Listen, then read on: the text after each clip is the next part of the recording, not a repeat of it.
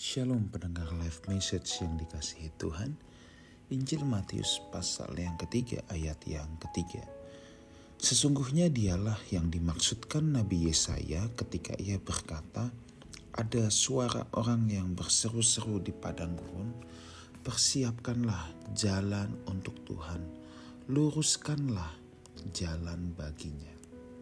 Saudaraku, ayat yang tadi kita baca itu adalah tentang Yohanes Pembaptis. Ya. Siapa Yohanes Pembaptis? Dia adalah sepupunya Yesus, di mana malaikat menghampiri Zakaria dan Elizabeth enam bulan sebelum Maria hamil. Jadi setelah Elizabeth ya eh, masih saudara dengan Maria hamil enam bulan kemudian malaikat menghampiri Maria.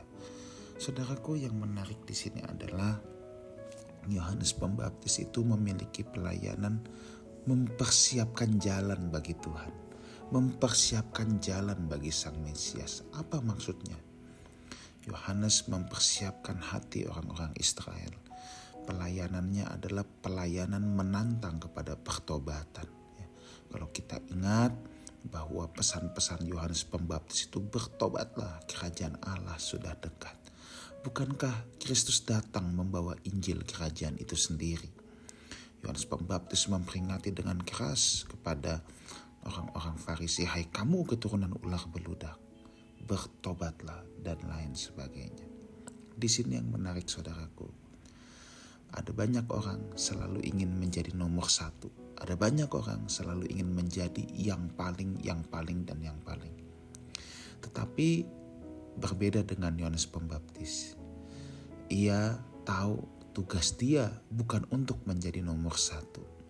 Tugas dia adalah mendukung pelayanan daripada Sang Mesias itu sendiri. Makanya ketika nanti dalam perjalanannya eh, murid-murid Yesus ikut membaptis, bahkan orang-orang yang mengikut dirinya mulai mengikut ke Yesus. Satu kali murid-murid Yohanes Pembaptis mulai protes. Guru, itu kan orang yang kita baptis. Kenapa malah ikut Yesus? Guru lihat kok pada uh, nyeberang ke sana. Yohanes menjawab, saudaraku, di Yohanes 3 ayat 30, ia harus makin besar, tetapi aku makin kecil. Di sini kita belajar bahwa hidup Yohanes adalah tentang melakukan kehendak Tuhan. Hidup Yohanes adalah tentang bagaimana seluruh maksud Tuhan dapat digenapi dalam kehidupannya. Ini bukan soal nomor satu, nomor dua, saudaraku. Kita harus belajar seperti Yohanes. Mau nomor tiga, empat, itu nggak ada urusan. Ya, itu tidak ada urusan. Yang penting bagaimana seluruh maksud Tuhan terjadi dalam hidup kita. Kita telah dibesarkan oleh sistem dunia yang serasa kita harus selalu menjadi nomor satu. Saya ingat banget ada pastor di Hillsong dulu namanya Robert Ferguson. Dia adalah seorang teolog yang mumpuni.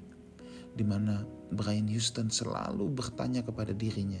Ya, setiap pengajaran yang mau dikeluarkan, Brian pasti konsultasi dengan pastor Robert Ferguson. Satu kali Robert Ferguson berkata gini dalam pengajarannya bahwa dia tahu bahwa Tuhan tidak manggil dia untuk menjadi orang yang berada di puncak pimpinan.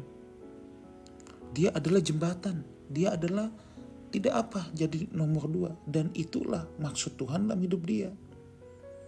Nah ini kebesaran hati yang luar biasa. Kita tidak harus selalu menjadi nomor satu.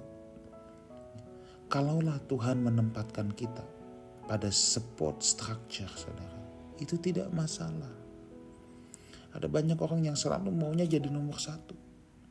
Selalu jadi nomor satu. Nomor satu di gereja, nomor satu di sinode, nomor satu di di mana pun.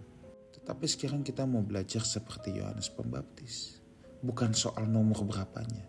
Tetapi apakah seluruh maksud Tuhan terjadi dalam hidup kita. Itu yang terpenting. Tuhan Yesus memberkati kita semua.